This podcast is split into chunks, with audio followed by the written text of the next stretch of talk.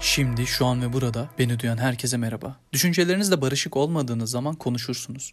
Yüreğinizin yalnızlığında barınamadığınızda dudaklarınızda yaşamaya başlarsınız. Seste sadece bir oyalanma ve bir oyun olur o zaman. Aranızda yalnızlık korkusundan konuşkan insanları arayanlar vardır. Yalnızlığın sessizliği kendi çıplak benliklerini gösterir onlara. Kaçarlar bundan. Diyor Halil Cibran kendine konuşmak üzerine bir soru sorulduğunda. İnsanlar genelde yalnız kalmaktan korkarlar etrafındakilerden güç almak için, bir şeyler bekledikleri ya da istemeye alışkanlık haline getirdikleri için etrafında sürekli birileri olsun isteyenler mutlaka vardır. Bu tamamen kendini tanımayan bir bireyin davranışıdır bence. Kendini bilmeyen, bilmekten korkan ya da kendine yolculuk yapmaktan çekinen insanlar her zaman yalnızlıktan da korkarlar. Bilmekten korkmak diyorum çünkü çoğumuz ne yaptığımız hatalarla yüzleşebiliyoruz ne de bastırdığımız korkularla. Kendine dönüş yolculuğunda bireyin karşısına çıkanlar genelde önce korkuları ve hataları olduğu için de bu yolculuğa çıkmaktan çekinirler. Ancak savunduğum bir şey var. Kendini bilmeyen başkasını bilemez. Kendini sevmeyen başkasını sevemez. Kendine güvenmeyen başkasına hiç güvenemez. O yüzden aslında yalnızlık kötü bir şey değildir. Ama gelin biz yine konuşmak konusuna tekrar dönelim.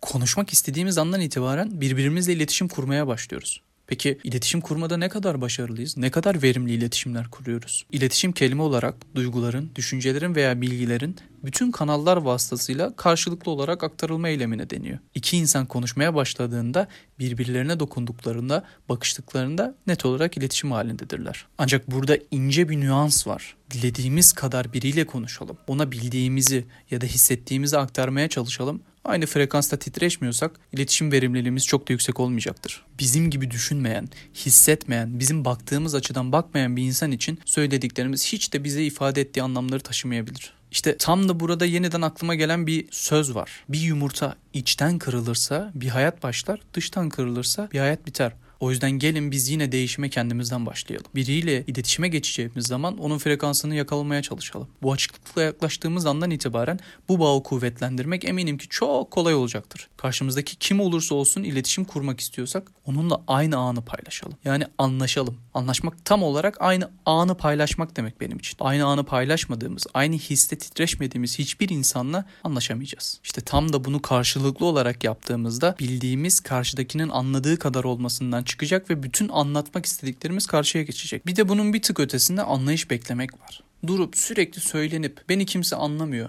bana kimse anlayış göstermiyor diye söylenmek bence çok da mantıklı bir şey değil. Öncelikle burada beklemek kavramını uzaklaştırmak gerekiyor. Beklenti yaratmak insanın kendine verebileceği en büyük zararlardan birisi diye düşünüyorum. Beklediğimiz olmadığında ne halde olacağız? Bunun yerine istemek, talep etmek çok daha işlevsel değil mi?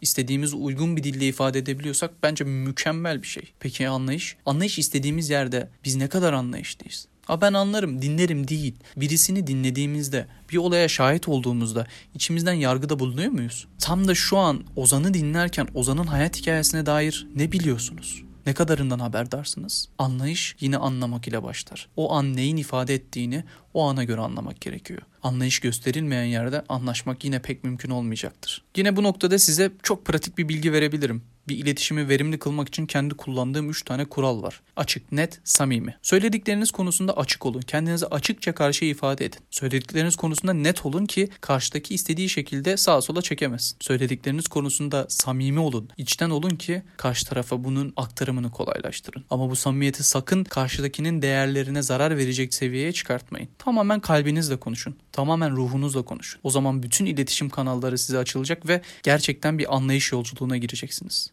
Bugün konuştuk. Bugün anlattım.